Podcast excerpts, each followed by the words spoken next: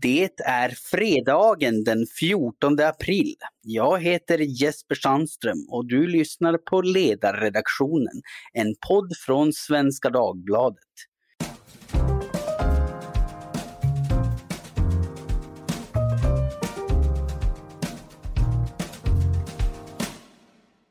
Vårsolen tinar vårt avlånga land.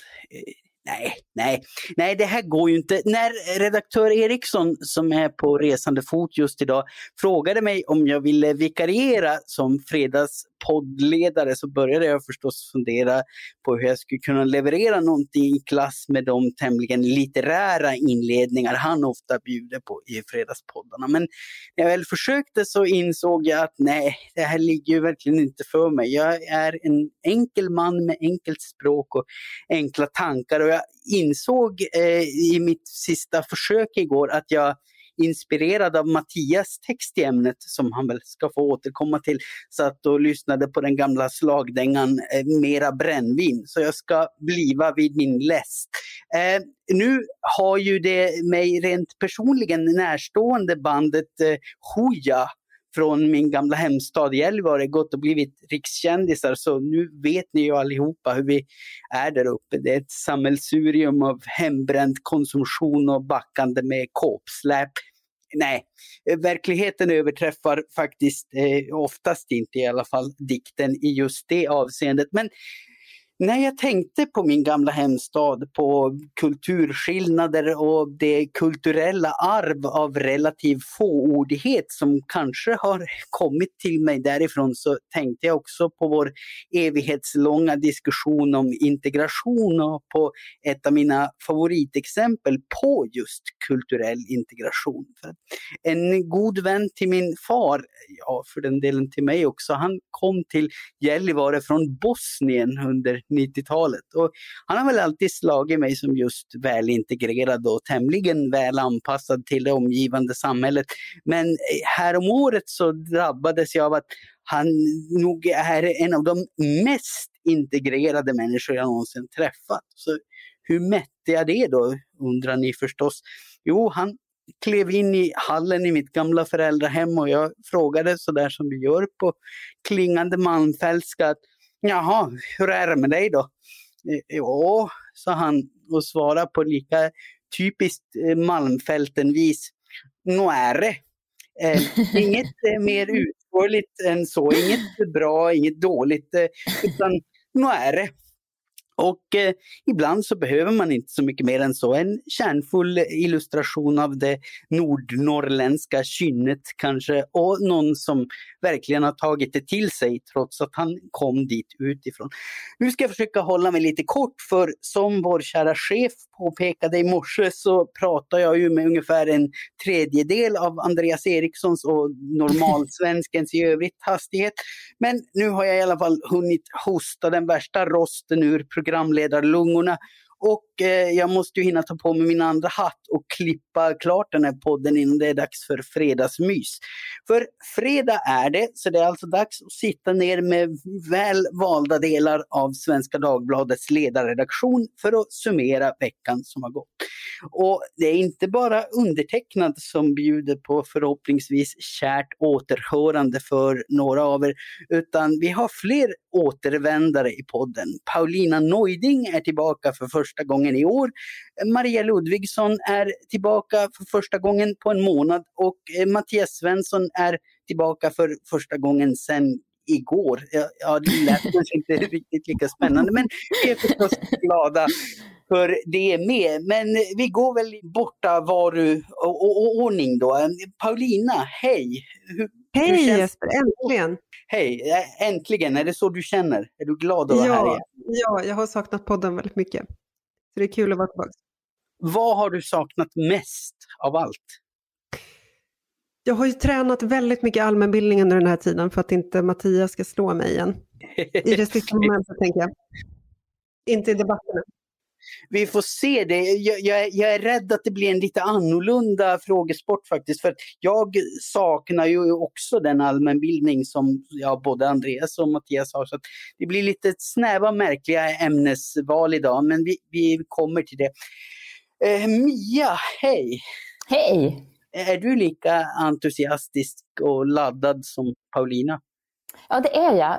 Och jag skulle vilja tillägga hur man säger i Sörmland när någon kommer in, stiger in över eh, tröskeln. Så säger man bara, du ska inte ha något. Alltså man börjar med nekande invitation. så, så man kan, där kan man välja, vill man, vill man bo i norr eller i Sörmland ungefär lika illa.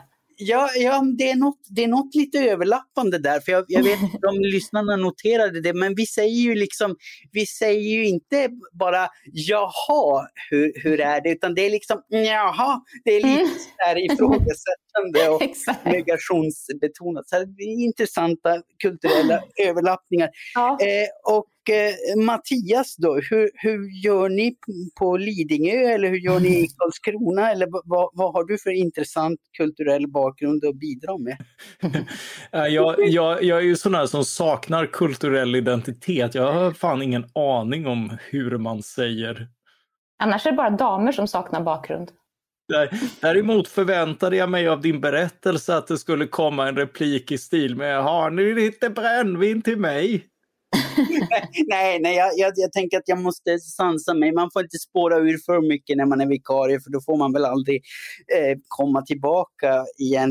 Eh, men, men hur mår du Mattias? Är du också redo för att podda? Ja, så redo jag kan vara. Jag var hos eh, Access igår och eh, pratade om pengar och tillit och där blir man ju alltid väl trakterad av allt från eh, diskussion och kultur till mat och dryck. Och det är ju trevligt. Ja, ja, vad fint att du har haft det trevligt. Vi hoppas att den stämningen sprider sig även hit. Say hello to a new era of mental health care. Cerebral is here to help you achieve your mental wellness goals with professional therapy and medication management support. 100% online. You'll experience the all new Cerebral Way, an innovative approach to mental wellness designed around you. You'll get a personalized treatment plan from a therapist, prescriber, or both in a safe and judgment free space.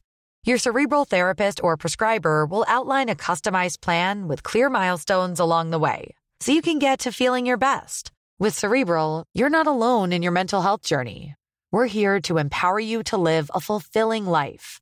So take that first step towards a brighter future and sign up today at cerebral.com slash podcast and use code ACasts to get 15% off your first month. Offer only valid on monthly plans. Other exclusions may apply. Offer ends July 31st, 2024. See site for details.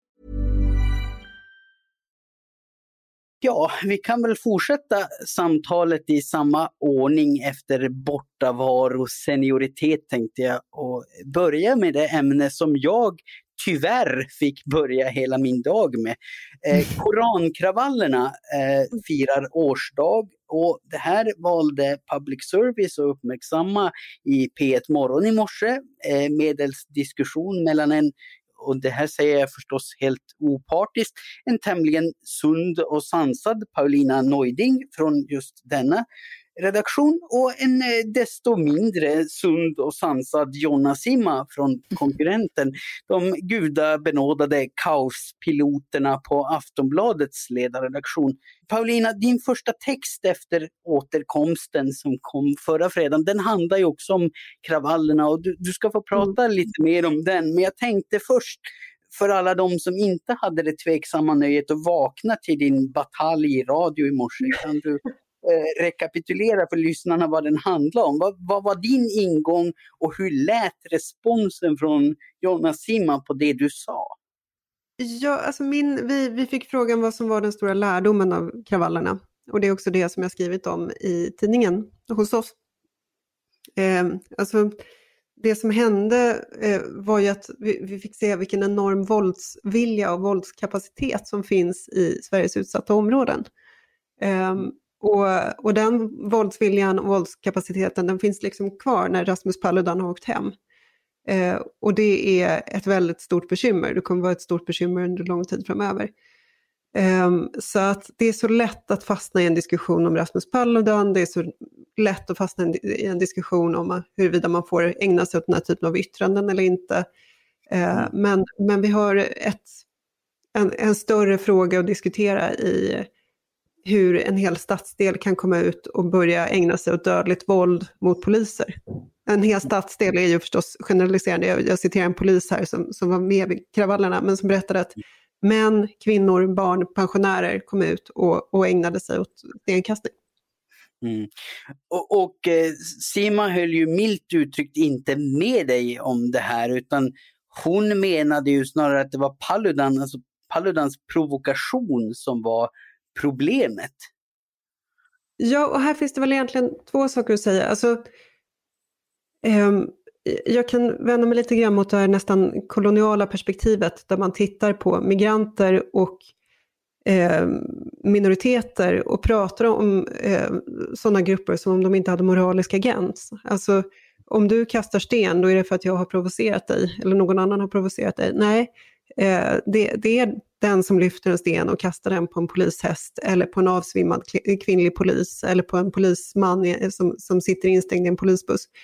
Det är de som bär ansvaret och där ska man vara rätt tydlig med, eh, med hur man ser på människors moraliska ansvar.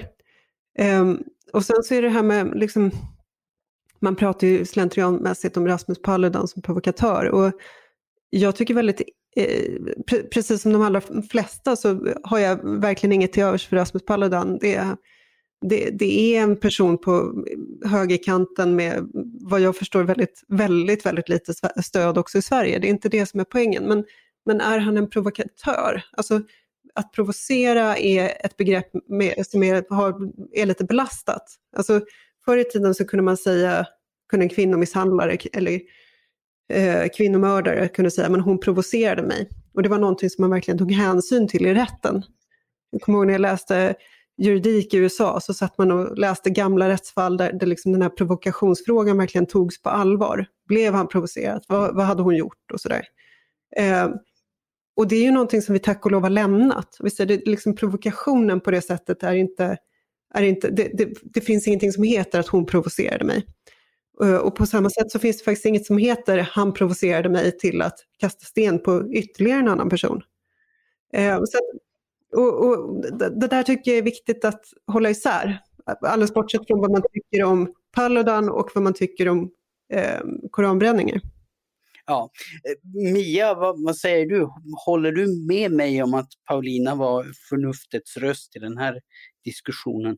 Ja, det, var, det är jag helt säker på att det är helt säker på att hon var. Jag hörde inte den så jag skulle gärna vilja höra från, från Paulinas mun vad hon fick för mothugg. Så kan man liksom gotta sig lite i motståndarens jag... eländiga argumentation. Nej, men jag tycker alla får gå in på internet och, läsa, och lyssna på detta på Sveriges Radio på P1 Morgon. Eh, men det är ju alltid tråkigt när man bli kallad för saker, bli kallad för Trump som jag blev i det här fallet istället för att bli bemött Men just deras argumentation men... är ju, jag, jag, blir nyfiken på det, just det, de är ju sådana som också kan säga att ja, men de kastar sten för att de är fattiga eller för att de inte täcks av socialförsäkringssystemet och sånt där. Alltså mm. Alltså det, de, har, de kan nästan aldrig se en, eh, Även att kasta en sten är en medveten handling. Men mm. det du är inne på är just detta att då säger man att nej, men de här, just de här personerna klarar inte av att göra medvetna handlingar. De, de är ja. inte att räkna med. Och det nej, säger det, ju diminutivt. Mm. Och det är överhuvudtaget så att det, de argument som kommer från Aftonbladets ledarsida kan, kan överraska.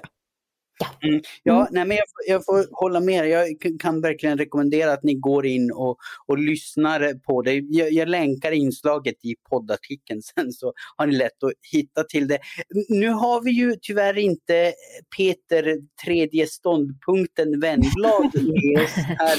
Men Mattias, hitta på något. Du, ja, precis, hitta på något om du vill. Men jag tänkte fråga, landar du i en liknande bedömning eller är vi andra här orättvist hårda mot Simas ståndpunkt?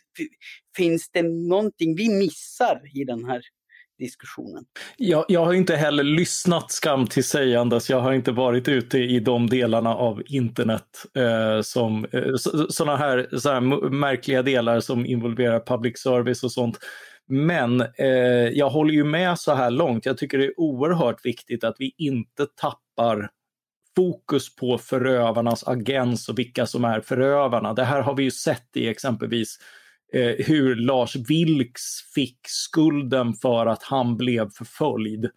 Eh, mm. det, och det var ju liksom eh, oerhört stora delar av det svenska samhället som tyckte att det är vilk som ska flytta och det är vilk som inte ska bjudas in och så vidare. Eh, så han blev på något sätt förövaren eftersom det var han som, som man ansåg då tog hit eh, hot och problem och våld Eh, när det i själva verket är våldsverkarna som är skyldiga till hot och problem och våld, inte en satirisk tecknare. Just Lars Vilks-fallet är intressant. Jag kommer ihåg att jag blev så häpen för jag var i ett sammanhang hos trevligt bra folk i deras sommarhus och så sa de, eh, då när det var som mest eh, vänner runt honom, så sa de att ja, det här är jag verkligen inte beredd att betala yttrandefrihetsrätten för. Det här, det här går gränsen och det han gör är dessutom fult. Och det här var ett sammanhang där det var alltså, vanligt borgerligt sinnade eh, personer välutbildade och så vidare, men som missar själva poängen med att jo, det är just det som ska få kosta. Det är precis just detta. Lars Vilks svarade just på det där med att det var fult och det var taffligt och så vidare genom att mm. måla samma sak fast liksom, eh, i, i klassicistisk stil. Ja, exakt. Men, ja. Nu då? Sen så, jag menar, min, min poäng egentligen i, i texten också, och, som, som jag skriver om, är ju att det här är ett uttryck för, eller en konsekvens av en misslyckad migrationspolitik. Och där kanske vi är mindre överens sinsemellan. Men för mig är det helt uppenbart att det här tillståndet i eh, eh, eh, Ehm, ehm, i de här områdena är ju en konsekvens av en migrationspolitik som har, eller migration som har varit alldeles för stor. Vi har, vi har ignorerat precis den här typen av tecken. Vi har ju, vi har ju sett kravaller av andra skäl och eh, ändå har, har den här migrationspolitiken fortsatt trots att vi vet att integrationen inte fungerar. Eh, så att ehm, i område efter område så har man har det blivit den här typen av situation. Ja, jag tänkte komma vidare till just det för att du, du, skrev ju under rubriken Kravallerna blottar migrationsmisslyckandet för den som vill gå in och läsa om de ännu inte har gjort det. Och ja, nu, nu fick jag väl lite grann svar på min fråga här. Varför är, är det just migrations politikens misslyckande som ska stå mm. i fokus. Men, men då får jag väl bolla vidare till Mattias för jag vet ju att du och Paulina överlappar ju inte alltid helt och hållet åsiktsmässigt och särskilt inte då i synen på migration och migrationspolitik. Men hur ser du det här? Har, har Paulina rätt? Är det primärt ett migrationspolitikens misslyckande eller är det något annat som har gått snett? Alltså jag tycker det blir, det blir lite eh, det är ju svårt att säga helt enkelt. Alltså Paulina har ju klara poänger i att eh, de här utanförskapsområdena har fyllts på med väldigt många människor på väldigt kort tid. Eh, sen vet vi, tycker jag, kanske inte allt om förövarna, situationen, hur den uppstod och sånt där. För, för att riktigt kunna slå fast att ja, det här är senare års migration eller, eller det här är kanske eh, migranter från decennier tillbaka. Vi, vilka ska vi separera ut och inte? Det blir ju alltid liksom, det finns ju en, en stor risk här för ett kollektiviserande också av människor som inte alls har deltagit i det här men, men också har invandrat. V vad svarar du på en sån invändning, Paulina? Det, det som är svårt att förhålla sig till i svensk offentlighet, det är eh, vad, vad, ett utsatt område är för någonting. Jag menar när vi pratar om ja, definitionen av ett utsatt område, det, har ju, eh, det finns liksom kvalitativa mått som polisen har. Det är att eh, brottslighet präglar samhället, att människor inte vågar vittna, att folk har rest med IS och så vidare. och så vidare. Men forskning har ju visat att eh, de områden som blir utsatta, det är helt enkelt de som har eh, en hög andel migranter. Alltså det, vi kan tala om det i kvalitativa termer, men, men egentligen så är det kvantitativt. Alltså, områden i Sverige som har över en viss nivå av migranter, de förfaller i den här utsattheten. Därför att integrationen fungerar så, så väldigt, väldigt illa. Alltså, där, där får man gängstyre, där får man eh, den här religiösa extremismen, där får man hedersproblematiken och så vidare. Eh, och, och jag menar, det är så det är. Eh, och eh, det borde för länge sedan har fått oss att ändra kurs i migrationspolitiken. Det är inte att kollektivisera, det är att lägga politiken på en nivå där, där den fungerar. Mia, vad, vad, säger du? Har du någon... Du hörde att jag hostade där. ja, ja. Som om jag satt i ett rökigt rum. Ja, men jag, den här diskussionen är ju alltid närvarande både på vår redaktion men i samhällsdebatten generellt i Sverige. Det finns inte en middagsbjudning när man inte diskuterar detta. Eh, jag tycker alltid det är, eh, är en poäng i sig att man går tillbaka till några sorts principdiskussioner för att annars blir det en diskussion om ett utfall av någonting som ingen gillar. Ingen är för kravaller, ingen är för icke-integration eh, och så vidare. Eh, och då är det frågan, dels så handlar det om fri rörlighet, om man är för eller inte. Men den, det kan man vara samtidigt som man, som i mitt fall, då säger att men Sverige är inte gjort för fri rörlighet. Alltså med, med en generell välfärdsapparat med ett högt skattetryck, med arbetsmarknad och bostadsmarknad som inte är några marknader. Alltså hela Sverige är gjort för att vi inte ska ha fri invandring. Det kan jag tycka är ett problem eftersom jag tycker att fri rörlighet är rätt. Men givet hur svensk socialdemokrati har byggt landet så är det inte någon bra idé. Man kan inte sätta ihop dem samt. Och det är därför som jag tycker vänstern, vänstern trillar, eh, vänstern, liksom, de kommer alltid undan med det här och säga att, ja, eller för de kan säga, jo men vi, vi, ska vara, vi vill ha öppenhet, alla ska kunna komma hit, men vi tänker inte ändra någonting som gör att det ens är möjligt. Och det stör mig mest i den debatten, därför att de är inte hedliga. Precis, det är nog ungefär där jag står. Men Paulina, du ville skjuta in någonting där. Vad, vad sa men du? Nej, men, Eh, det är ju ett väldigt stort givet, givet hur samhället ser ut eller hur det har byggts upp. Ja, jo, precis, och det är ett ganska stort givet. Um, alltså, vi, vi har, alltså, om man tittar på vad som hände under de här eh, kravallerna så fanns det en tändande gnista som visade att det här verkligen är en krutdurk. Gnistan har åkt hem till Danmark men nästa gång kan det vara något annat. Det kan vara ett rykte om eh, att polisen har begått något eh, misstag som det har varit tidigare i Husby till exempel. Alltså, det, det kan vara lite vad som helst. Krutdurken finns där och krutdurken är väldigt farlig. Eh, jag tycker inte att man liksom glatt kan bygga på den här typen av krutdurk i, i ett samhälle. Eh, vi, vi, har liksom eh, vi har den här religiösa extremismen, vi har terrorhotet, vi har gängvåldet som är liksom sensationellt höga nivåer i jämförelse med andra jämförbara länder. Då kan man liksom inte fortsätta på samma sätt, utan då måste man dra lärdom av det. Alltså man, man kan inte vara hur vårdslös som helst med ett samhälle för att man har en, en viss princip, utan den, den grundläggande, det, det finns liksom eh, det var fel sagt. Eh, det finns andra grundläggande principer som, som, som går före den om allas fria rörlighet.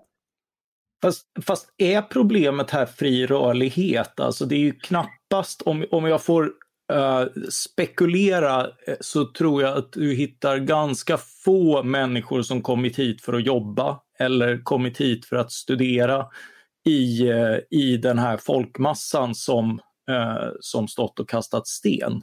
Utan, utan i huvudsak är ju det här har, har, ju det här rötter i eh, asyl som är en, en nödlagstiftning vid sidan om. Och, och jag tror väldigt få, jag tillhör definitivt inte de som är för fri eller villkorslös asyl åt alla som tycker att de har behov av det. Därför att det är en, det är en särlagstiftning för människor i nöd, det har ganska strikta kriterier eh, även om det är många i världen som uppfyller dem om de skulle ta sig hit. Och den här matematiken eh, har vi ju bromsat med och där har ju, där har ju Paulina rätt i att, att eh, det, det har kommit fler på den bogen än, än som kunnat integreras därför att det är liksom människor som ofta är ja, men språkligt, kulturellt och på andra sätt långt från arbetsmarknad och liknande som lätt hamnar i ett utanförskap av det här eh, slaget. Eh, och, och det, är ju det, det är ju det vi behöver, behöver förhålla oss till här. Och, och det ska man väl säga för att det, det, det, kanske kan låta som att vi står långt ifrån varandra eller pratar runt varandra. Alltså vi har väl, du, du och jag, Mattias och Mia har väl en ganska libertariansk syn på just den här rätten till fri rörlighet. Men jag tror att vi allihopa också håller med om att den, den fria rörligheten som den har sett ut in i Sverige. Alltså stor rörlighet tillföljd av asyl, rätt in i, i utanförskap och bidragsberoende, den är naturligtvis inte hållbar.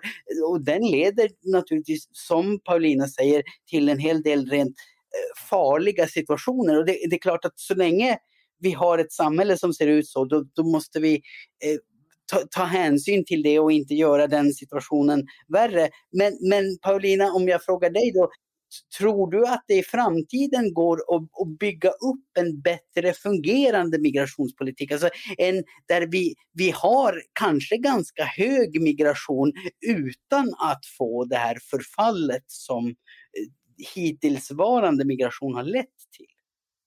Jag, jag tycker att vi ska vara väldigt eh, försiktiga med att experimentera vidare kring det eftersom eh, läget är som det är i, i utsatta områden. Eh, alltså, Ehm, det är klart att vi vill ha en viss typ av väldigt eh, hög, eh, högutbildad eh, migration. Ehm, vissa liksom, forskare, experter och så vidare. Men ehm, den lågutbildade migrationen eh, som vi har haft genom en extremt liberal arbets, arbetskraftsinvandring också i ett sånt här läge är inte, eh, är inte lyckad.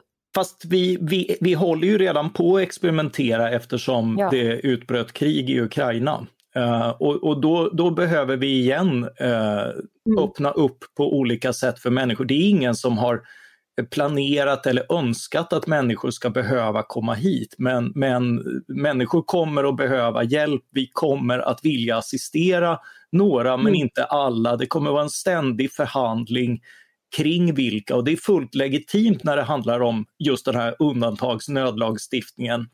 De kommer på, eh, på ett annat mandat än, än asyllagstiftningen och, och det är kanske rent av lite för för snålt på sina håll eftersom, eftersom de får svårt att komma in och det är inte meningen att de ska komma in men kanske behöver de det ändå beroende på hur, hur kriget går. Så, så det går inte att ha några stora tjusiga teorier heller utan det här måste ju ständigt vara uppe till, till diskussion och få, få handla om svåra avvägningar.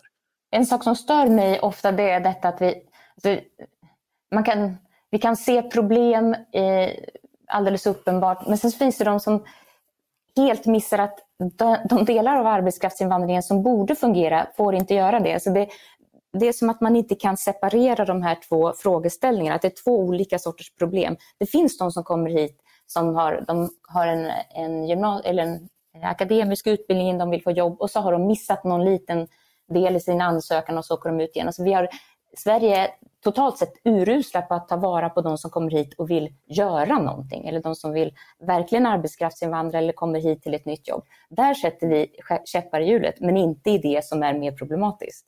Ja, men jag tror att man ska vara, precis som Mattias säger, det är väldigt viktigt att vara pragmatisk kring det här och inte låsa sig vid eh, som, som vi har gjort med asylrätten, vi har pratat om den som eh, absolut, vi kan inte göra något åt det, de som kommer, de kommer. Det var ju doktrinen fram till 2015 under ett antal år.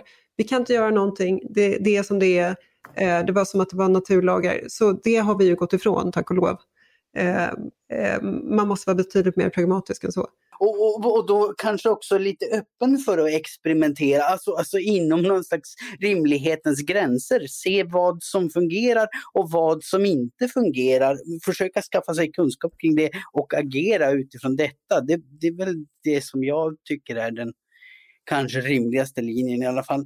Men, men ja. då har vi fördjupat oss lite grann i eh, migrationsfrågan idag i alla fall. Så vi kommer inte undan. Och vi kommer säkert tillbaka till den snart igen. Men nu så ska vi gå vidare till ytterligare ett ämne som får Jonna Simas känslor, eh, också hennes kollega Sina Aldewanis känslor och många andras känslor för den delen och svalla en hel del, nämligen gigjobb. Eh, Mia, du skrev så här häromdagen att eh, gigjobben och de som utför dem förtjänar respekt. Den som vill ta bort gigjobben är också svaret skyldig på vad alternativet är. Eh, vad skulle du säga om jag ber dig att brodera ut budskapet i din text? Oh, så bra! Vem har skrivit det? Det kom av eh, naturligtvis den debatt som kommer alltid både på höger och vänster sida om huruvida de här gigjobben är okej okay eller inte. Och först var nog min inställning historiskt sådär att ah, vad är problemet? Eh, alla som vill försörja sig och får ett, på, ett hugg, på, huggjobb eller ett, ett korttidsjobb ska bara göra det och det är inget problem. Men det är mindre intressant att ta diskussionen så. Det är mer intressant att problematisera eh, och kanske också se det lite grann historiskt. För min utgångspunkt då var Foodora-jobben som, som är cykelbud, matcykelbud.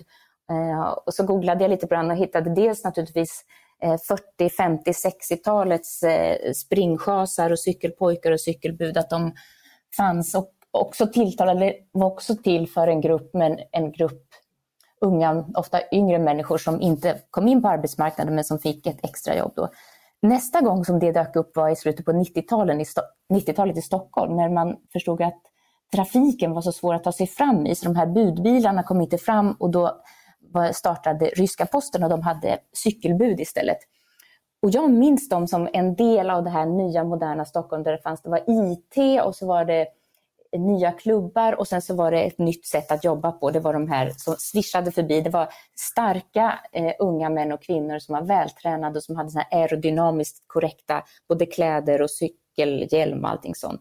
Och de hade en helt annan status än de som är cykelbud idag. Och där vill jag eh, skriva och fundera lite grann om. Eh, och det här genererade, det är alltid roligt med läsarmail som kommer och som säger antingen att man har helt fel eller att de ser en, någon poäng i det man har skrivit. Och då kom det en hel del från de som själva har jobbat inom den sortens yrken när de var yngre. Men det är ju det, det är som vanligt de som jag ofta får mejla och det är de som är lite äldre. Och det är väldigt roligt och få, intressant att få deras perspektiv också. Jag tycker att det är, när jag ser cykelbuden, framförallt Foodora, så känner jag att det här är inget som jag skulle vilja göra. Jag skulle inte önska att eh, min, mina syskon heller behövde ta ett sånt. Men samtidigt kan jag inte säga att jag tycker vi ska förbjuda det därför att det inte är bra nog för mig. Men det finns de som tycker det här är bättre än ingenting alls. Mm, mm. Men, men vad, vad, svarar man då? För det kommer ju ofta mothugg, eh, de, dels från vänster men också från mm. delar av högern som säger att ja, de, de, här jobben, de, de, är inte värdiga. Liksom. De har ja. så pass dåliga villkor så de borde inte ens finnas i vårt samhälle. Så vad, vad svarar man mot den invändningen? Ja, då kan man inte svara att alla jobb är lika bra, för det är de inte. Det här är inga, inget drömjobb. Men för det finns de människor som tycker att det här är bättre än att inte få vara i Sverige och, för, och eh, eh, försörja mig överhuvudtaget. Och då är det deras val. Och då kan jag tycka att den, den politiska, politiska posen när man säger att det inte är värdigt, de borde inte, den borde man byta ut till att reflektera hur, hur, hur värdigt behandlar jag då de här människorna som jobbar med det här? Om det, det är det enda val de har, de väljer det, ska jag respektera det och låta dem vara? Kan det också vara så att man ska tala med dem när de lämnar mat vid dörren, om man använder deras service, prata med dem, öppna dörren, hälsa på dem. Så bemöt dem då med värdighet och respekt eh, mellanmänskligt. Det, sånt kan man mycket sällan politisera fram. Paulina, på mötet i morse så eh, sa du någonting, om jag inte minns fel, om att du kunde tänka dig att gå i polemik med Mia om gigjobben. Står det erbjudandet mm. fortfarande kvar? Ja, jag tänkte på det här med värdigheten. Jag såg en eh, reklam för ett av de här stora eh, matföretagen, eh, cykelbudsföretagen på Twitter. En, en väldigt kort, 10 sekunder, 15 sekunder, eh, där man visar eh, att man inte har en speciellt trevlig människosyn. Man, man får se en kille som, som står och väljer mat, han står i sin morgonrock, han har någon slags inomhuskeps på sig och sen så kommer ett cykelbud som är ansiktslöst, som har eh, ansiktsmask på sig. Eh, jag har väldigt svårt för när ena parten ska ha ansiktsmask men inte den andra, därför att det är bara den enas väl, välmående som, som spelar någon roll. Eh, det, det händer så mycket under de här 15 sekunderna som visar att det här cykelbudet är inte riktigt en jämlik människa. Det störde mig väldigt mycket. Jag tyckte det var väldigt eh, typiskt för den här branschen. Ja, och jag kan hålla med. Alltså det, precis just detsamma stör mig också, även när jag ser dem i gatubilden. Men därav följer inte att jag tycker att det ska förbjudas. För frågan Nej, blir ju då, det, vad ska de göra istället? Det var bara en början, det var bara en, en, en lång garageuppfart här. Eh, nej, jag tycker inte att det är så här, på tal om det vi pratar om. Sverige har gått från att ha en eh, utrikesfödd befolkning på 10% för 20 år sedan till över 20% idag. Det har gått väldigt fort, det har inte varit lyckat. Eh, och nu har vi fått en utveckling där eh, migranter kommer till Sverige lågutbildade för att under eh, inte speciellt roliga förhållanden arbeta som daglönare. Jag, jag tycker inte det är framsteg.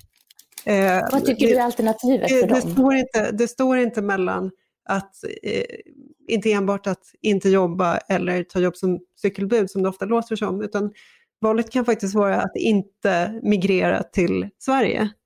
Och eftersom jag är anhängare av, av begränsad migration så tycker jag Ja, att... men då blir det också så, de får gärna gigjobba bara jag inte ser dem. De får gärna göra ett annat land, för där finns ju sånt. Där de kommer ifrån och dit de istället skulle resa. Alltså, jag, jag kan inte rädda hela världen, men jag tycker att Sverige måste ha en begränsad migration av, av skäl som vi såg inte minst för ett år sedan. Alltså, eh, det, vi har sådana problem med integrationen så att det...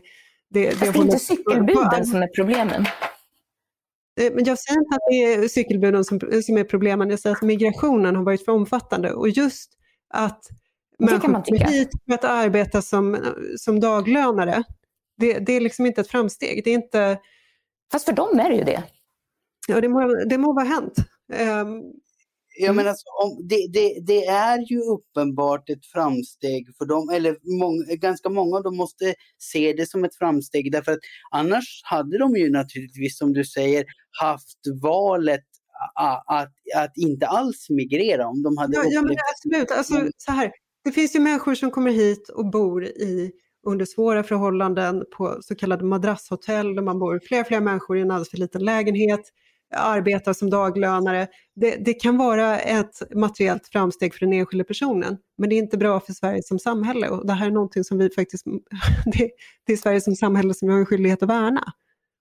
Alltså, jag, det jag har svårt för i detta det är just att om man nu, vilket vi naturligtvis alla gör, bryr oss om de här individerna som det handlar om, så, så ser inte jag skillnaden på att de har ett gigjobb i Sverige eller i ett annat land. Alltså, det, är, om man ogillar gigjobb så är de ju lika illa var de än är. Det är ju inte så att vi blir av med, eller de blir av med problemet för att de gör det i ett annat land än Sverige. Och jag menar, det är, väl, det är väl heller inte så att alla som arbetar med gigjobb idag lever i total misär. Att vi liksom måste ha bort gigjobben för att, för att de, de eh, eh lockar bara hit en underklass som lever i misär. Den, den beskrivningen vet jag inte riktigt om det finns täckning för. Men Mattias, eh, du har varit tyst en stund. Vill du komma Hur in känns det, Mattias? Vem, vem av oss håller du med Mattias, skulle du säga? Eh, alltså, Han eh, håller inte med. Jag, jag håller generellt med eh, Mia om att man bör få, eh, bör få välja själv och bör behandla folk som jobbar här med värdighet. Men just det här att man arbetskraftsinvandrar till en typ av tjänster som inte är menade som eh, som just heltidssysselsättningar utan just är gigjobb, påhugg, eh, påhugg och liknande det öppnar ju för en väldigt stark beroendeställning som, som ju inbjuder till missbruk. Eh, och, eh, och, och där, där det sker så tycker jag att man bör vara väldigt försiktig med att, att tillåta arbetskraftsinvandring. Vi har sett liksom välfärdsfusk i assistanstjänster. Vi vet att, det, att det systematiseras, att man tar hit folk som, som jobbar för nominellt eh, rimliga villkor men, men som blir beroende just därför att hotet är annars åker du ut. Eh, och, och många människor, vi vet att det finns trafficking, är inte bara sexarbete utan det är att människor luras hit under falska förespeglingar, de, de skuldsätts och liknande. Och, och eh, man måste vara väldigt vaksam på att, att liksom, om detta blir en, en enorm vanligt förekommande i i en bransch, eh, då, då tycker jag inte att den branschen bör vara öppen för arbetskraftsinvandring. Och, och just den här typen av tjänster är ju inte gjorda för att vara liksom eh, heltidstjänster för människor som, som annars liksom hamnar i en extremt illa eh, position. Det är helt rimliga invändningar. Men jag tänker väl mest så att även om vi får bukt med all den problematiken, vilket vi, vilket vi förstås bör få bukt med, vi bör inte ha arbetskraftsinvandring där människor hamnar eh, rätt in i en liksom, för dem och,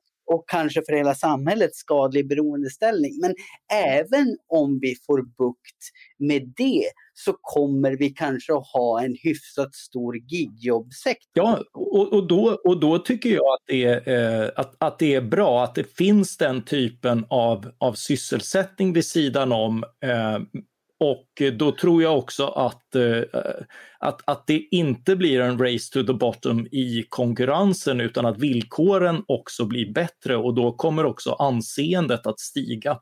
Paulina, hur, hur, ser du på det om, om man liksom får bukt med den arbetskraftsinvandringsrelaterade problematiken? Skulle du då vara mer, mer okej okay med gigjobben som sektor?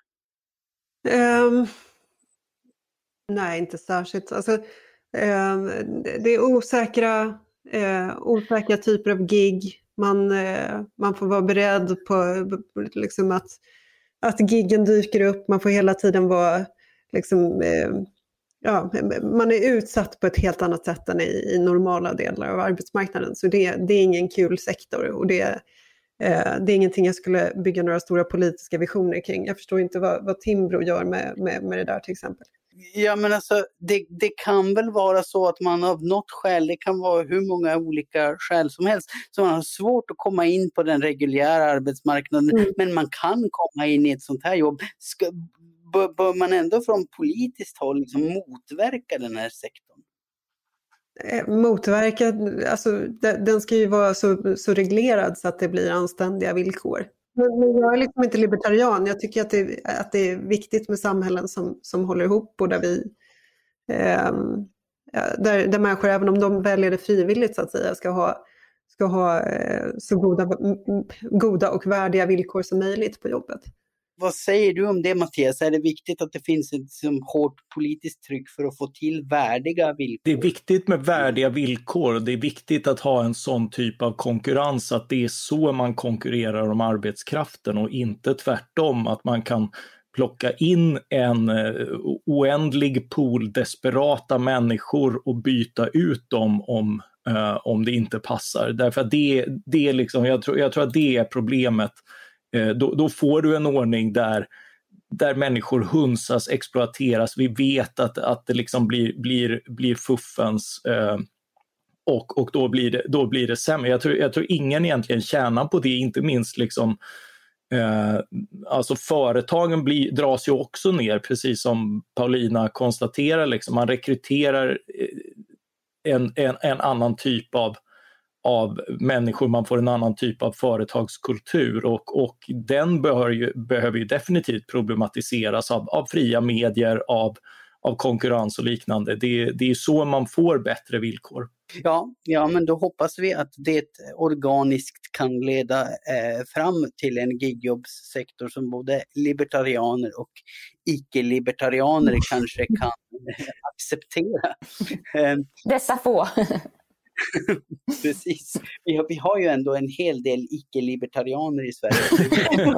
det får man nog säga. Medvetet eller ej. Jag, jag misstänker att de flesta av de som faktiskt använder de här tjänsterna inte är det. Och då, inte, då exakt. verkar man ju vara rätt okej okay med det ändå. Exakt. Men det är bara för att de inte har läst Ayn Rand än, eller hur Mattias?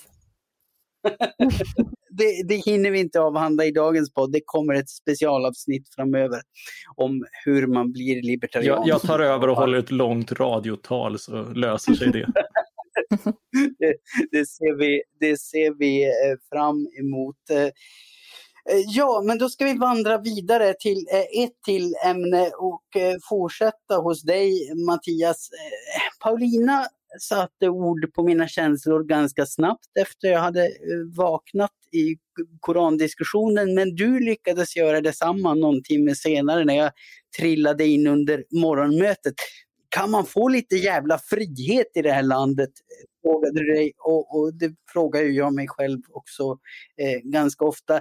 Vad är det för frihet du törstar efter just här och nu? Eh, ja, jag är, jag är så, pass, så pass törstande att, att minsta droppe eh, blir man ju faktiskt lycklig av. Det faktum att man efter sju år efter ett riksdagsbeslut om detta lyckas avskaffa kravet på danstillstånd eh, blir man ju lite lycklig av efter, eftersom eh, kravet har funnits så länge och varit så viktigt för, för ajabaja-människor i alla tider. Eh, men, men och, och, nu senast så kommer det här med gårdsförsäljning och, och jag kunde inte annat än kontrastera det mot, mot några andra förslag som samma regering har eh, har haft att jobba med. Och, och vi, ha, vi hade den här lagen mot utlandsspioneri som som kompletterade vissa saker som var nödvändiga men som gjorde det på ett sätt som gapade efter alldeles för mycket och, och riskerar liksom att kriminalisera visselblåsande och journalistik om, eh, om skumraskaffärer som vi vet förekommer i stater eftersom just sån journalistik har avslöjat eh, den typen av, av fuffens i stater. Som när Sverige i hemlighet lät, lät kidnappa och utvisa eh, två egyptier eh, att torteras i, i egyptiska fängelsehåror fast militärregimen hade lovat att inte göra det. Eh, och, och det, där, det där hölls hemligt och avslöjades av, av eh, journalister på, eh, jag tror det var Kalla fakta. Eh, och, och det, det, det gick igenom. Eh, det var förvisso den förra regeringen som hade förberett det här. Det var ett andra riksdagsbeslut, men, men i stor enighet och, och den här regeringen orkade inte ens delta i några debatter innan utan, utan det var fullkomligt tyst och sen tog man bara beslutet. Eh, och likaså kom plötsligt beskedet med det här EU-förslaget om chat control som alltså det är en lagstiftning återigen med det vällovliga syftet att, eh, eh, att, att, stoppa barnporr men, men som gapar alldeles för mycket genom att eh, ge, genom att även kräva insyn, statlig insyn i, i en massa krypterat material och dessutom använda metoder som som kommer att falskeligen misstänkliggöra en massa människor som sen kommer att få problem med myndigheter kring något av de vidrigaste brott som finns, nämligen, nämligen barnporrbrott, fast de inte alls har begått något sådant utan bara skickat bilder som, som en dator har tolkat som det. Och det där, mm. eh, det där är också liksom, Gunnar Strömmer säger då att ja men det checkar vi igenom och sådär. Så, så båda de besluten som, eh, som ganska drastiskt inskränker friheter, de, de går rakt igenom. Och sen detta kattrakande kring gårdsförsäljning som har ut, utretts tre gånger de senaste åren eh, och som kommit i ett extremt kringbundet förslag med en massa hängslen och livremmar om att man man får bara köpa en liten kvantitet och den måste hänga ihop med en upplevelse och hej faderullan. Och ändå när, när det kommer så bara, nah, men det är jättesvårt och vi kan inte säga om, om det kan, eh, för det är så komplicerat. Alltså, det, det, är i praktiken så svårt att, att införa den minsta lilla frihet. Och det, och det blir, ställt bredvid varandra blir det så talande för att, att vi har ett systemfel i Sverige. Eh, om, om det sen är kulturellt eller juridiskt eller politiskt, men, men, men nog håller de flesta med om att det är ett, ett systemfel, att det ska vara så oerhört svårt att öka friheten lite grann genom den politiska apparaten, men så oerhört lätt att minska den. Mm. Ja, det, det, kan man ju hoppas att många håller med om. Jag såg någon undersökning som visade, just apropå det här med gårdsförsäljning, att där är ju en majoritet av väljarna från alla partier utom Vänsterpartiet, tror jag, för en mer tillåtande lagstiftning i gårdsförsäljningsfrågan. Så man kunde ju tycka att det borde vara lätt och framförallt lätt lättare än att införa väldigt drakoniska frihetsinskränkningar. Apropå inskränkningarna så måste jag rekommendera att ni lyssnar på podden med Ylva Johansson om chat control. För nu svär jag, förlåt mig, men det är ta mig fan det mest häpnadsväckande jag någonsin har producerat i denna podd. Ylva Johansson som är högst ansvarig politiker har alldeles uppenbart inte en aning om, alltså noll överblick över konsekvenserna av den här lagstiftningen. Men, eh, men ändå vill hon banka igenom den och hon verkar få benäget bistånd av en borgerlig regering. Och det är ju helt urspårat. Jag ville bara få ur mig det, förlåt. Jag blev så triggad av att höra om det ens. Men, men eh, ja, Mia, vad, ja. vad säger du? Är Mattias frihetstörst en befogad sådan? I högsta grad och hans törst kommer befria fler. Nej, men det, jag tycker, det jag inte fattar det är det här danstillståndet, det är det mest märkliga vi har haft. Det är jättekonstigt. Ja, hur, hur motiveras det? Det har jag alltid varit nyfiken på. Ja. och varför har det funnits kvar? Och, ja, och varför har det varit kontroversiellt att vilja ta bort det? Liksom, hur kan, vem bryr sig? Man kan, alltså jag tycker det är så Mm. konstigt. Jag, jag är glad att ni frågar, för jag har skrivit eh, min bok Ja. Glädjedödarna har jag ett helt kapitel om det här. Jag vet. Eh, och, och, det, och det är ju liksom, alltså det, det bottnar ju i föreställningar om att, eh, om att dans i sig är någonting farligt. Vi, vi hade det så kallade dansbaneeländet på 30 och 40-talet där, där man såg dans som eh, inte bara en inkörsport till kriminalitet som det utreddes som, utan, utan också som, eh, som farligt i sig, beroendeframkallande och liknande. Det finns vittnesmål från, från dansmissbrukare som talar ut och sånt där. Och det, det där kan vi ju skratta åt idag, även om, även om man faktiskt känner igen väldigt mycket. Alltså, det, det är väldigt lika vittnesmål eh, i, i det här fallet som, hos dansmissbrukaren som, som eh, ha, eh, broschyrer som informerar om att hasch är farligt och annat eh, senare och hur man ska titta på tecken hos tonåringen som ha, är, är tonåringen trött, ett, eh, har, hittar en nya vänner och sådär. Liksom. Så, så det är många som har blivit oroliga. Men, men sen är det ju också någon sån där mer, eh, alltså det lever kvar som en sån här ordningsvurm, att, att man liksom känner sig på säkra sidan och det finns ju sådana regler som faktiskt behövs i, i nöjeslivet, alltså brandsäkerhet och liknande. Vi har haft fruktansvärda katastrofer. Eh, som, eh, som man vill förekomma. Eh, men, eh, Eh, men, men just kravet på, på tillstånd för att få dansa på en lokal eh, är, är ju liksom in, inte riktigt motiverat. De här andra regleringarna som, som för brandskydd och liknande, de finns ju kvar. Eh, så det är inte så att det är liksom laglöst utan, utan det är bara det att dans tillåts och det borde, ju, borde det ju ha varit för länge sedan. Eh, Jag, jag, jag, måste, jag måste läsa ett citat bara som, som jag hittade första gången just i din bok eh, Glädjedödarna. Och förvisso tyckte jag på sätt och vis om det, för jag, jag har alltid tyckt ganska illa om jazz som musikstil. Men, det var ändå roligt för att illustrera den paniska stämning som rådde. För då, då sa den eh, framstående musikern Hjalmar Meissner, jag minns inte nu exakt vilken roll ja, han, han hade. Jag tror han var ordförande för Musikerförbundet. Ja, så, så var det. Men han, han sa i alla fall så här eh, att eh, den musiker som hänger sig åt jazzen eh, förlorar snart nog sin konstnärliga kapacitet och håller han på länge därmed så blir han ofelbart idiot. ja. Det här, var ju, det här var ju alltså ett fackligt särintresse. När, när jazzen mm. kom så hotade den ju de orkestrar mm. som fanns organiserade i Musikerförbundet så och alltså så motarbetades de med, med de här argumenten. Mm.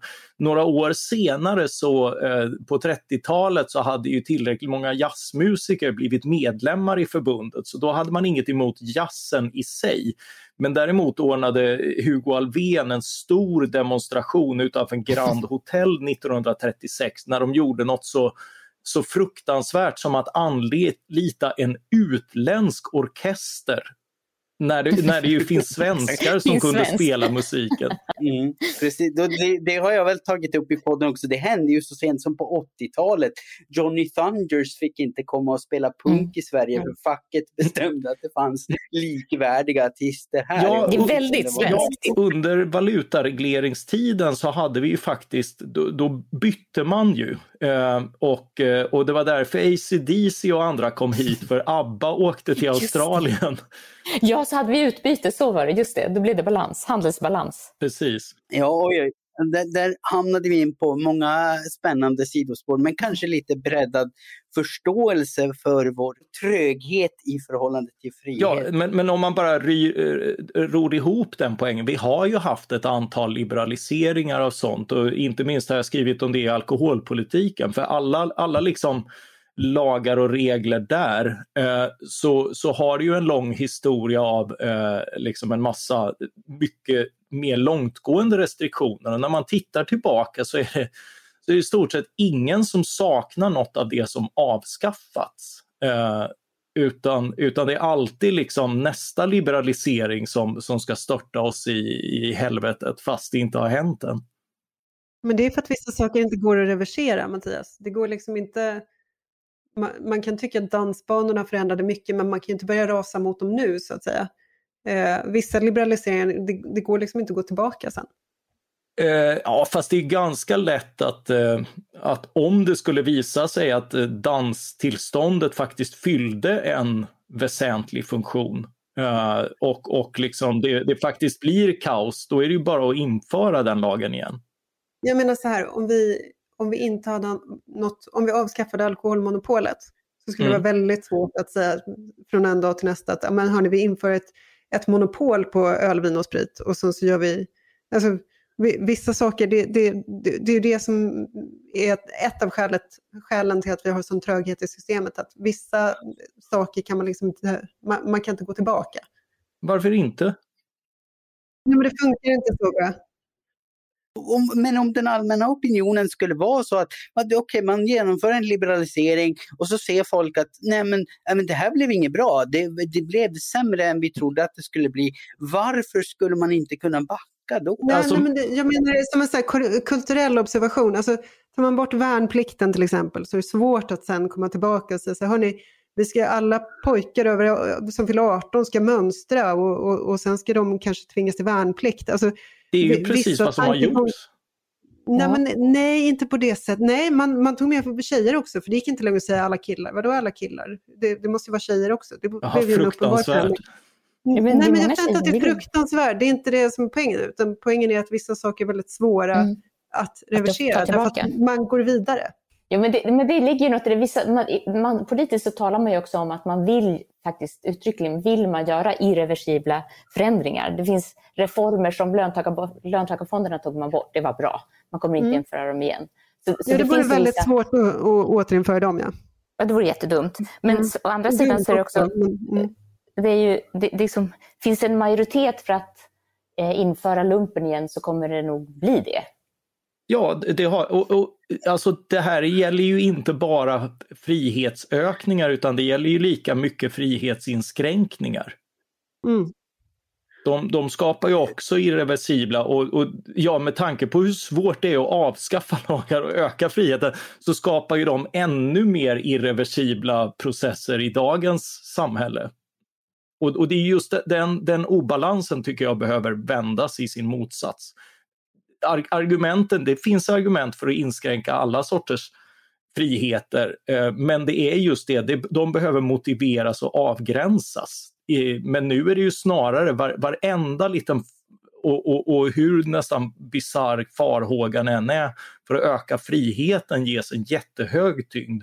Eh, men inte motsatsen. Nej, du, du hann in själv innan jag hann vända eh, mig till dig Paulina och det, var mm. förvisso bra det du sa, för det var en del av det jag var nyfiken på. Men alltså, alltså vad, vad, du eventuellt oroar dig för i liberaliseringen. Men jag ville också fråga, alltså, kan du tycka att, att Mattias har någon poäng? Alltså att det finns en, en osund tröghet mot liberaliseringar i Sverige idag? Ja, eller en sund tröghet, jag vet inte. Um, alltså alkoholmonopolet. Jag har faktiskt också precis läst uh, nyutgåvan av Mattias bok. Jag läste den första utgåvan när den kom för tio år sedan, när det var Mattias. Eh, är det Glädjedödarna? Ja. Ja, precis. Eh, och den är jättebra. Det var väldigt roligt att, att äh, läsa den igen. Mm, verkligen. Eh, och det, det, finns ju, du har ju väldigt många, eller det, det är liksom du sammanställer ju alla goda argument eh, mot den här typen av eh, paternalistiskt tänkande. Eh, men, men du håller ändå inte med? Inte, alltså, det, det, är väl liksom, det är inte en fråga som jag... Du har tänkt längre och djupare på den här frågan än vad jag har, så den, den, är, liksom, den är din snarare än min. Men eh, jag tycker, jag har inget problem med Systembolaget, jag tycker att det verkar ha tjänat oss väl och varför ska vi hålla på och riva upp det? Eh, det är en typisk sån sak som vi inte kan återinföra om det inte skulle funka, så, så varför hålla på? Eh, och gårdsförsäljning är ju en sån sak som skulle eh, kraftigt underminera alkoholmonopolet, så varför, varför gå den vägen? Ja, är min liksom ja, ja. inställning. Men som sagt, det här är inte, det här är inte något jag har tänkt eh, djupt och länge om. Nej, eh, låt mig där. Jag, jag, förstår ju hur du tänker. Liksom. Om någonting inte mm. är ett stort problem så behöver det ju inte fixas. Eh, och, och, Systembolaget har ju, tack vare att ha blivit mindre av ett monopol, blivit mindre av ett mm. problem i människors vardag. Det är inte den här myndigheten som, som hunsade folk och, och där man fick liksom stå, stå och köa och skämmas längre, utan utan... Precis, man visste inte vad man skulle säga när man kom fram. Kommer ni ihåg det? Du som har varit med länge. Ja, det, var, det är lite som, som det förr var att gå till banken. Man hade mössan i handen verkligen. Man säger, Oj, ursäkta. Jag, jag har ju sluppit uppleva det. Jag är ju så ung så att om jag rakar mig får jag fortfarande visa lägg. Din lyckoluva! Jag får mm. aldrig visa lägg, det är inte rättvist. Min tvillingbror får visa lägg. Förstår ni hur det känns? Ja, det är, det är otroligt kränkande.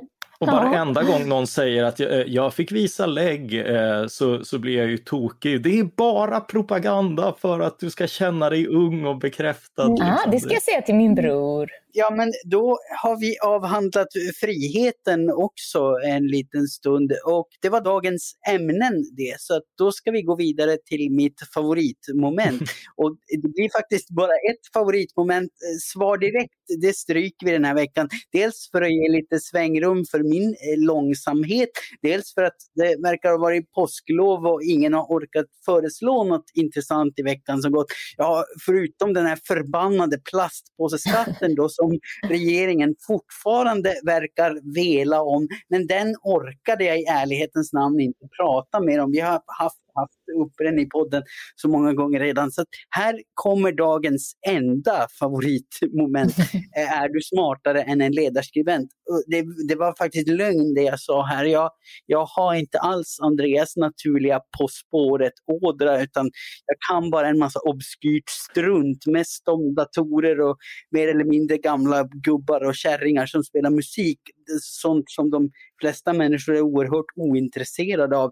Men eh, nu så tänkte jag ändå passa på att plåga er, mina medpanelister, när jag får chansen. Och jag vet ju hur mycket ni gillar såväl appar och skärmar som hädels och hårdrock. Så det blir dagens eh, tre kategorier i den sedvanliga strävan efter lite lagom lös koppling till de ämnen vi har gått igenom eller den tid vi befinner oss i. Och hur har jag resonerat här då? Undrar ni? Ja, men så gott som samtliga gigjobb har ju möjliggjorts av just appar och hädelse har vi ju pratat om och hårdrockarna var ju de som stod för mycket av sagda hädelse på den gamla goda tiden innan vi fick förlita oss på ganska tråkiga pölseplufsiga danskar för leverera hädelsen.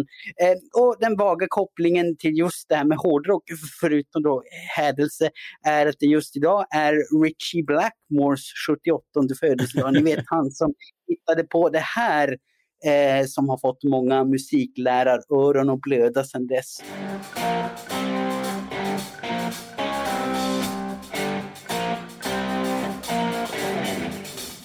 Reglerna kan ni förstås. Man svarar genom att säga sitt namn och vill man chansa innan jag har läst färdigt frågan så får man det, men då slutar jag läsa och eventuellt felsvar ger minuspoäng.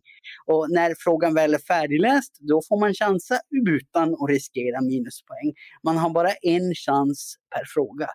Eh, påskveckans mästare Peter, han är inte här och kan försvara sin titel, men jag tror att vi har en möjligen spännande, möjligen tröstlös kamp att se fram emot ändå. För jag saknar som sagt ordinarie redaktörs allmänbildning så att det här kan bli bisarrt eller tråkigt eller alldeles, alldeles underbart. Vi får se, det är, i vilket fall är det bara en anomali, en liten blipp i den statistiska kurvan. Och från och med nästa vecka så är allt som vanligt igen. Och som vanligt så får ni lyssnare gärna vara med och svara och svarar ni snabbare och rättare än Mia Paulina och Mattias, ja då är ni smartare än just dessa ledarskribenter eller så har ni bara en bildningsprofil lika konstig som min egen.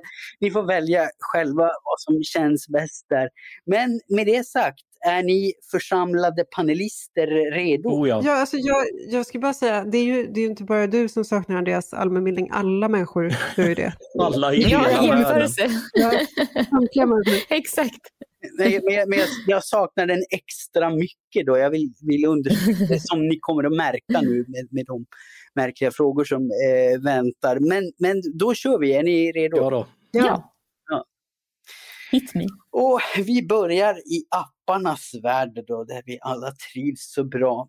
Vilket företag lanserade den första smarta telefonen eller smartphonen? Alltså en telefon med skärm och app appar som kunde göra lite andra saker än att bara just telefonera. Och jag ska som ledtråd säga att det inte är något av de bolag vi under 2000-talet associerar med smarta telefoner eller knappt med telefoner överhuvudtaget för den delen. Så vilket bolag var det som lanserade den allra första smarta telefonen?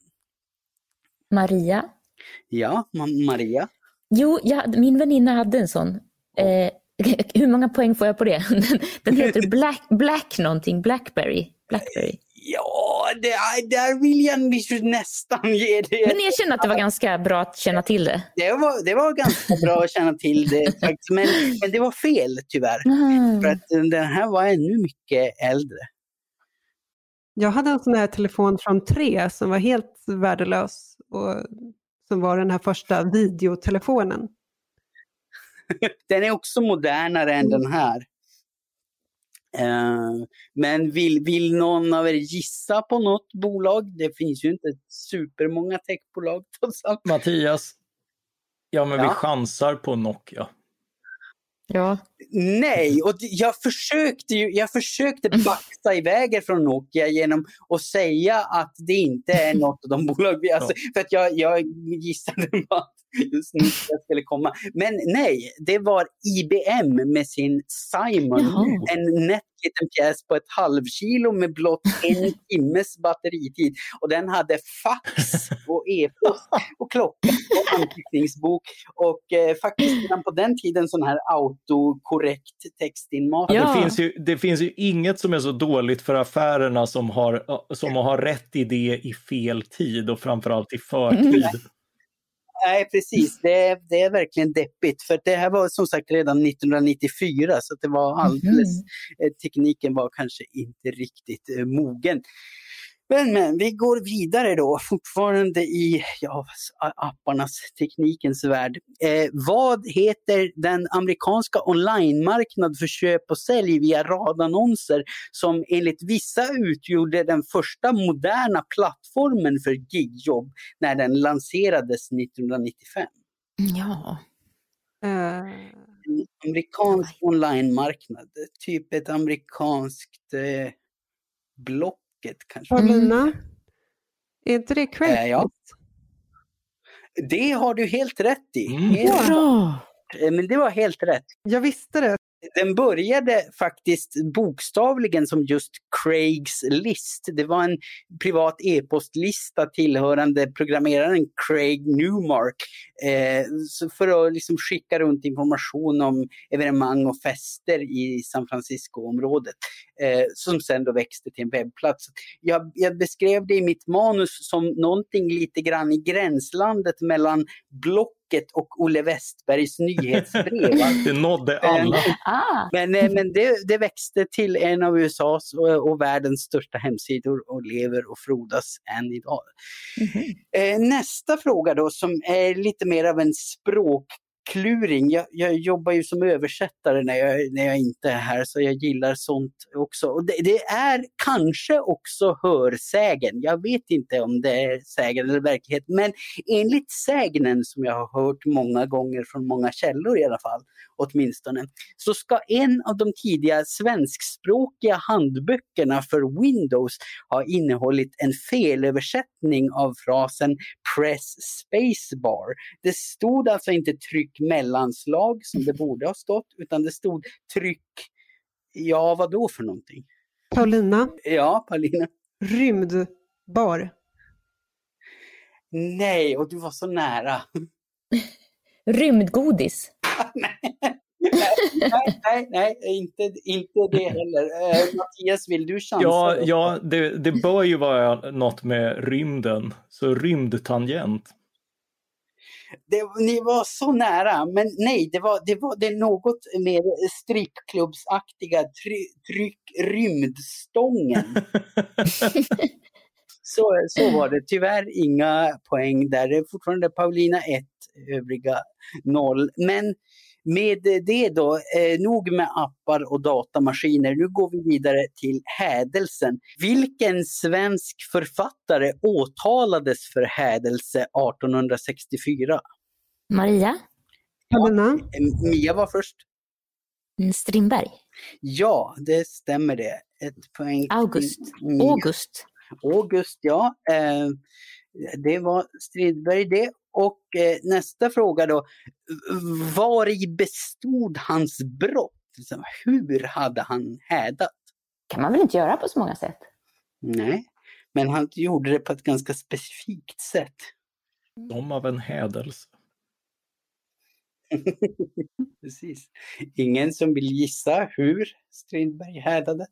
Man får ju inte minus om man gissar efter frågans uppläsning. Nej, nej, precis. Han missbrukade säkert, säkert Guds namn.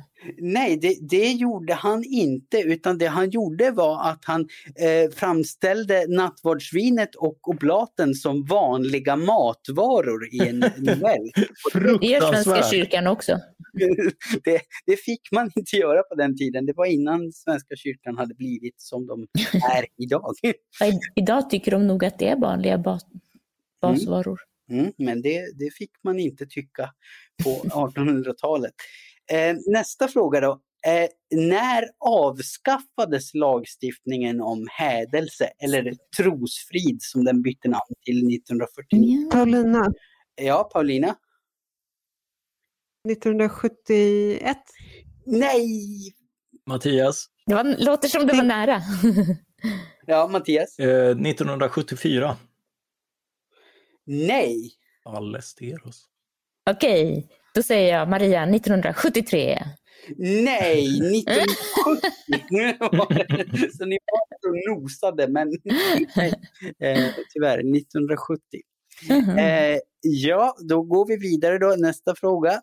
Eh, när motionerades det senast i Sveriges riksdag om att återkriminalisera hädelse eller religionskränkning som det kallades i motionen? Mattias, Ja, eh, jag tror det är 2007 eh, och att motionären var Tuve Skånberg. eh, nej. Eh, ingen annan som vill gissa? Nej? Nej, okej. Eh, nej, han har motionerat om det senast 1999, men han har skrivit eh, en interpellation om det eh, 2005. Eh, men det var Tuve Skånberg och det var min, det var min nästa fråga. Så eh, det, det, får, du- det får du ändå ett poäng för, Mattias. Om du tog liksom på... Så du visste i alla fall vem jag fikade Oh efter, ja. så att säga. Då går vi vidare till nästa fråga då. Eh, vilket är det land närmast Sverige, ge- geografiskt alltså, där man än idag kan få fängelse för hädelse? Maria, Ja, ja. jag gissar på Norge. nej. Det, Paulina? ja. Jag gissar på Polen. Nej, det stämmer väl inte heller riktigt. Mattias, jag Ja, gissar på Mattias. Irland. Nej, utan det, det är faktiskt Tyskland där man kan... Mhm. För, för jag har väl rätt i, du får rätta mig om jag har fel Paulina, men man får väl ändå säga att Tyskland är närmare Sverige än Polen i någon slags geografisk eh, bemärkelse. Eh, ja, det var... Jag, jag, har, jag har inte mätt. Vi kan mäta i Google Maps sen så, så får du Mm. retroaktiv upprättelse. Men Tyskland är det alltså där man kan få fängelse. I. Nästa fråga då. Eh, Vad är straffet för hädelse enligt Gamla Testamentet?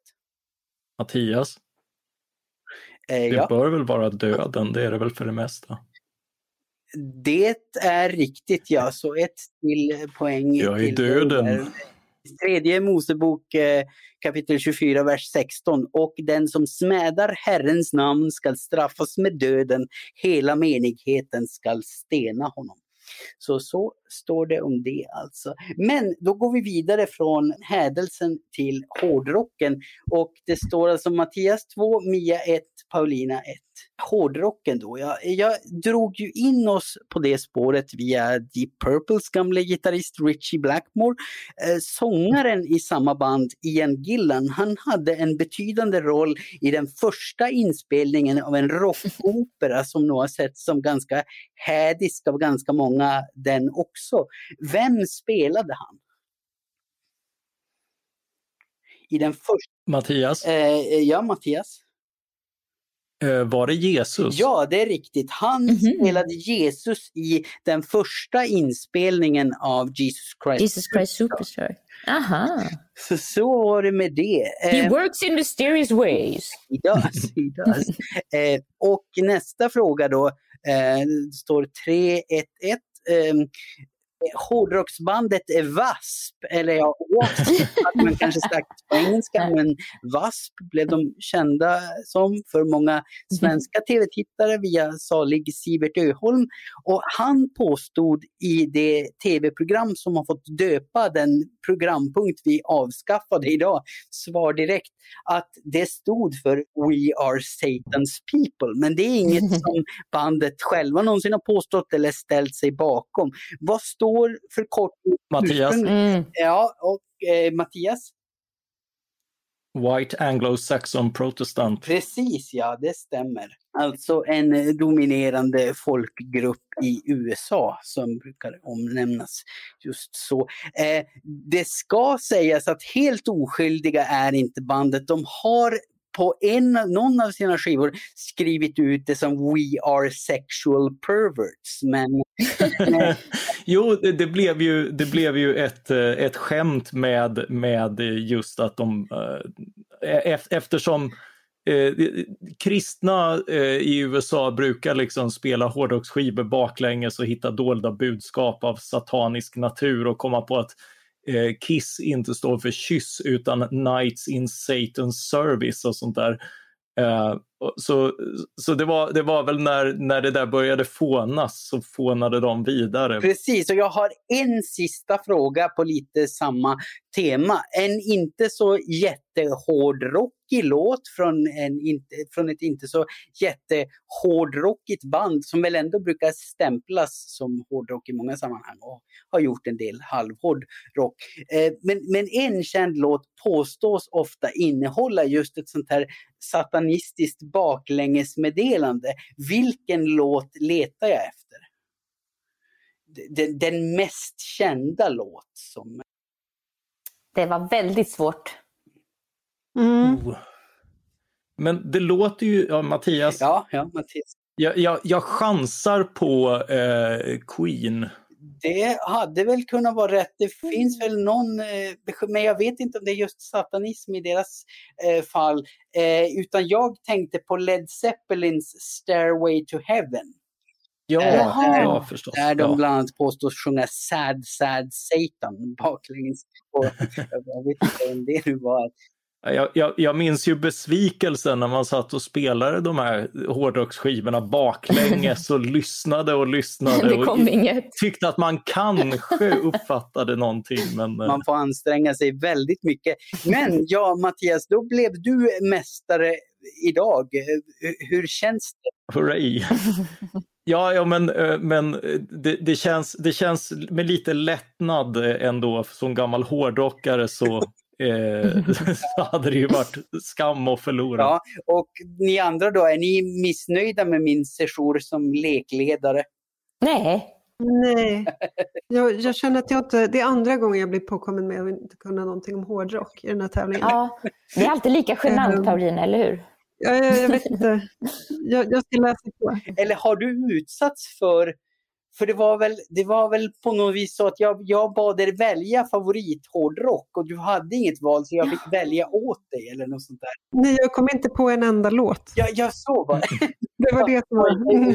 För, förlåt att jag bedriver sån här diskriminering mot dig men Ja, det var det jag kände. Men just hårdrock är, sådär, det, är lite svårdefinierat. Men jag skulle inte säga att Queen är hårdrock.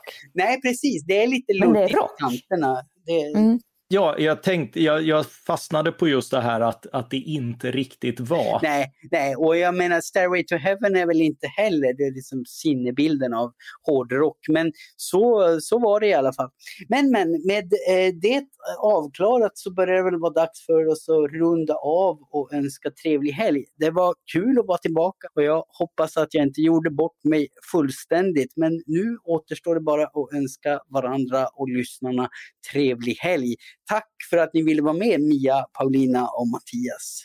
Tack själv. Det var ett stort nöje. Tack för att du ville leda samtalet Jesper. tack, tack. Eh, och tack också alla ni som har lyssnat på Ledarredaktionen, en podd från Svenska Dagbladet. Vill ni risa eller rosa oss som helhet eller för den delen min vikarieinsats eller framföra synpunkter i största allmänhet, då når ni oss enklast på e-postadressen ledarsidan svd.se. Eh, dagens producent, han heter Jesper Sandström. Ja, det är ju jag det. Eh, och jag hoppas att vi hörs snart igen.